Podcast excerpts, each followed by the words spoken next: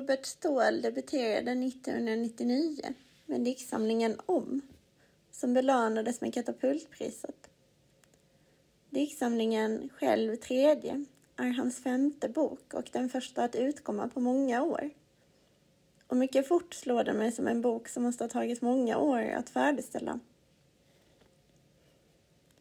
Styrelsen i en hyresgästförening har kallat till en kulturell afton. Sammankomsten, som har rubriken Mystiken språk, äger rum i ett citat kombinerat tork och skyddsrum, slut citat, under jorden, där det doftar av murbruk och sköljmedel. En sittordning finns. Präster och pastorer sitter längst fram. Fjäderfäindustrins nattskift strax bakom och husets hyresgäster längst bak. Citat. Föreningen styrs av en styrelse vars stadgar är ägarens vilja. I det aktuella fallet är ägaren en av statens 290 kommuner. Den har som de andra sin vilja i kroppen. Ingen kropp är enkel. Kommunen som person och stadgarna som uttryck för dess så kallade vilja är förstås en juridisk abstraktion. Man kan ändå fråga sig vad det säger om synen på människokroppen. Att vi talar om en kommun som subjekt med kropp och en vilja. Med den vänsterställda raden skiftar tonläget från bestämt till ursäktande och avlägset. Det grafiska spelet bidrar naturligtvis. Strax under det ovan citerade skriver Ståhl att citat Kroppen vet nu var den är, men inte vart den ska. Slutcitat. På samma sätt förhåller det sig med texten. Den vet heller inte vart den ska. Resultatet av det, i det här fallet, blir en ovanligt tänkande och öppen, expansiv dikt. Bland de som besöker denna kulturafton finns en äldre hyresgäst som också utgör diktjaget, visade sig. I sin egenskap av hyresgäst är hon hemma i samhället och kommunen är, tja, vilken som helst. I alla fall en av 290. Anna själv, tredje, kallas bildframställningen av jungfru Marias moder, Anna, Sankt Anna alltså, ihop med dottern och Jesusbarnet.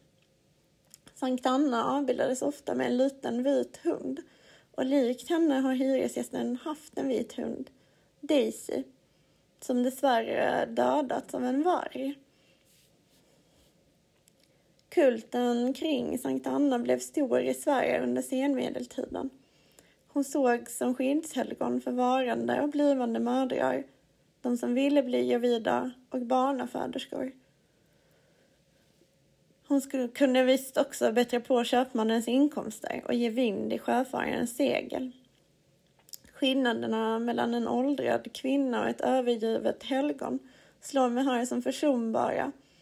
Exempelvis när hyresgästen tänker att, citat, när jag var yngre hände det ofta att många både såg och tog på mig. Slut citat. Eller när hon helt har missat att de andra gästerna reser för att gå från sammankomsten och citat, tar fram fickspegeln och ser mig själv, mor och dotter i ett gammalt skrynkligt barn, slut citat. Hyresgästen har funnit sin så kallade position vid fönstret i sin lägenhet där hon kan se så långt som in i grannfamiljens munnar. Någon gång äter den här familjen ägg och fönstret immar igen. Blir sedan glasklart. Fixeringen om inget annat så ögonens, Vi grannfamiljen i huset mitt emot, inramad av fönstret och på avstånd, kanske ska säga något om förväntningar. Att hyresgästen just är hyresgäst i en kommun vilken som helst talar för ett sådant generellt anspråk. Från fönstren syns också fjäderfäindustrins område.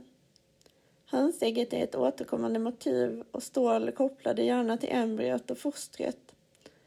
Den växande industrin för assisterad befruktning och surrogat går här inte att tänka bort mot bakgrund av Anna-motivet och fjäderfäindustrin på bakgården. Inte heller att ägget, alltså matvaran, blivit synonymt med massproduktion och helt förlorat sin en gång mystiska kraft. På motsvarande sätt som moderskapet och tillblivelsen. Och kärleken förstår man när Ståhl skriver om kärlekens matematik. Att i varje fall dikten ännu kan förundra är Ståhls vilda bok ett utmärkt exempel på. Den är alltså långt ifrån någon idéhistorisk exposé om ägget och moderskapets historia. Förbindelsen mellan människa och fågel, hönsägg och kvinnans ägg upprättas helt konkret.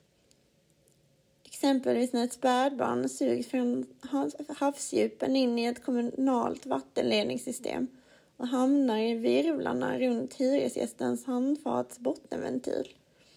När vattennivån stiger flyter spädbarnet upp till kanten och svämmar över. Citat, likt en katarakt. Slutcitat. Slinket i golvet gör också en tinad kyckling som hyresgästen lämnat på diskbänken. Plötsligt ligger de båda för hyresgästens fötter. Citat. Mot golvet hamnar fågel och människobarn på rygg. Slutcitat. Spädbarnet är täckt av gåshud i sin pöl på golvet och hyresgästens skulderblad ser ut som vingar. Men hon är ingen ängel, konstaterar hon själv. En felkoppling har dessutom misstänkts mellan fjäderfäindustrins kylaggregat och hyreshuset med konsekvensen att fjäderfäindustrins kylvatten letts in i rören till lägenheterna. Bilden av den gråa kommunen är ett vidunderligt kretslopp av ägg, människor, fågelbarn och åldrade damer som på samma gång är barn. Vattnet är i sig betydelsebärande. Kranar vrids ständigt av och på. Kryssningsfartyg passerar förbi. Havet finns inuti hyresgästens minne. Och så skriande måsar vid floden. Liksom ägget är vattnet en bild för både livet och döden.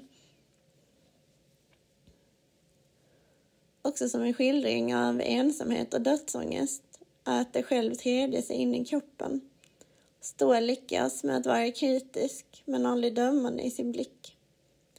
Blicken på hyresgästen är öm, både när hon skildras utifrån och när hon framträder i första person.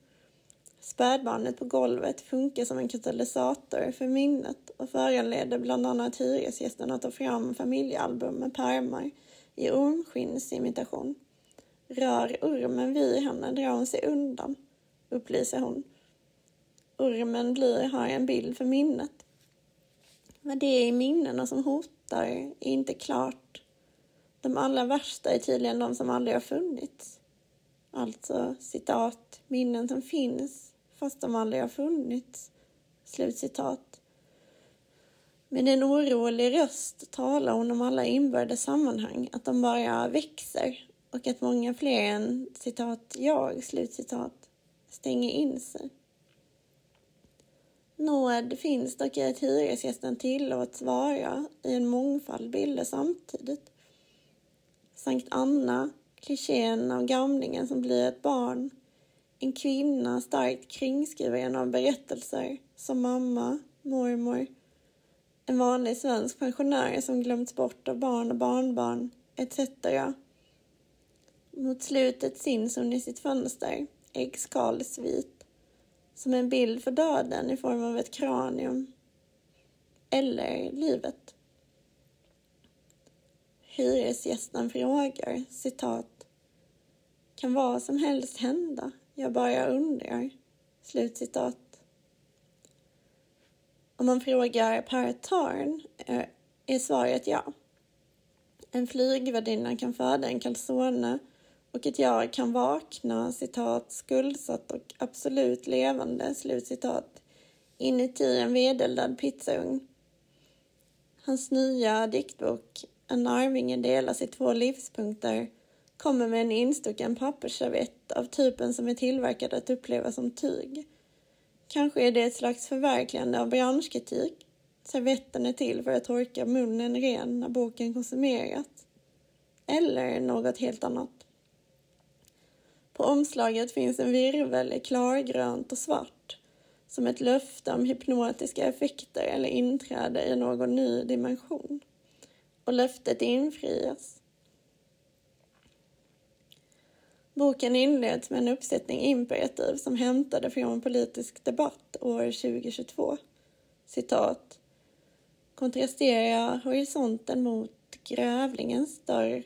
Avveckla Vällingby och ersätt med spontana tårar. Multiplicera bestraffningarna. Dra intrigvändningen genom betalväggen. Slutcitat. Och ungefär eh, så låter det fortsatt över omkring 30 opaginerade sidor dikt. Bortsett från några rent visuella uppslag i slutet. Ett par sidor lämnas blanka, så nära som på orden vitt brus. Den blanka sidan är normalt till för tanke och tystnad. Termen vitt brus avser istället ljud som används för att maskera naturligt förekommande ljud i miljön. Det vita bruset ska maskera de egna dikterna, förutsätter jag. Men törn går bortom att bara efter... Mm, en gång. Eh, tar jag om. Det vita bruset ska maskera de egna dikterna, förutsätter jag. Men törn går dock bortom att bara efterhärma det tomma pladdret. Han använder språket för att synliggöra dess dystra sammanhang. Det kan vara så enkelt som att han skjuter in ordet men mellan helt sambandslösa utsagor. Exempelvis uppfattar ett gäng turister en viss situation som autentisk. Citat. Men den är olaglig. Slutcitat, står det. Jag skrattar här till en början åt att det skulle finnas något som en olaglig situation. Och som så ofta är det något med Törns språk som driver en in i vaksamhet. Man kan inte annat än att tänka vidare. Tankegången i just det här fallet slutar vid det beklämmande konstaterandet att språkliga och lagtekniska detaljer helt hamnat utanför den kriminalpolitiska diskursen. Hur roligt och skickligt utfört det än må vara händer det också att Patern upprepar sig. Blicken är, jämfört med Robert Ståhls, oftare dömande. Betraktelserna är liksom snabbare på ett sätt som inte tjänar dikterna. Citat. Domaren snävar på paragraferna samtidigt som hans inre försöker bokstavera en mellansvensk småstads kommunala valspråk. Slutcitat. Sedan publiceras tydligen bevisen och en odör av saffran sprider sig i rättssalen samtidigt som människohuvudena byts ut mot tandkrämstuber rättegången i svensk domstol är alltså ett slags alkemisk process med cirkusinslag. Har jag inte sett exakt den här bilden förut hos Törn? Eller är det mer positionen på gränsen mellan anarkist och kärringen mot strömmen som känns igen och som får bilden att kännas förfalskad mer än surrealistisk? Att en så produktiv författare och i Per Törns fall Eh, med en viss trogen skara läsare med vissa förväntningar. Går lite på tomgång är inte konstigt, men är inte roligare för det. Mer spännande är det att se Törn nå högre surrealistiska eller absurda nivåer med desto mindre medel. Som genom en lite skev placering av en konjunktion. Eller böja ett varv på ett oväntat sätt som att skriva konkurrensutsätta i aktiv presens. Konkurrensutsätter, är inte det ett ganska galet ord? Paratan låter snedstreck och plustecken löpa i kors över ett helt uppslag i slutet. Det är en bra bild för läsarens maximala utmattning som ändå framkallats genom denna minimala skrift. I en av de överkryssade dikterna kommenterar några fåglar ett förlopp förloppet dessvärre dolt av plustecken genom att kröksa dödsannonssymboler. Citat.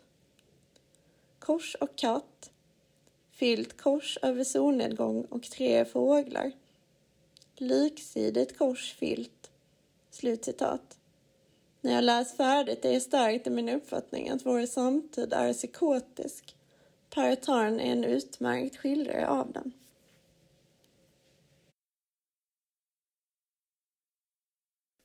Den här recensionen är originalpublicerad på www.ornenochkrakan.se under ansvarigt utgivarskap.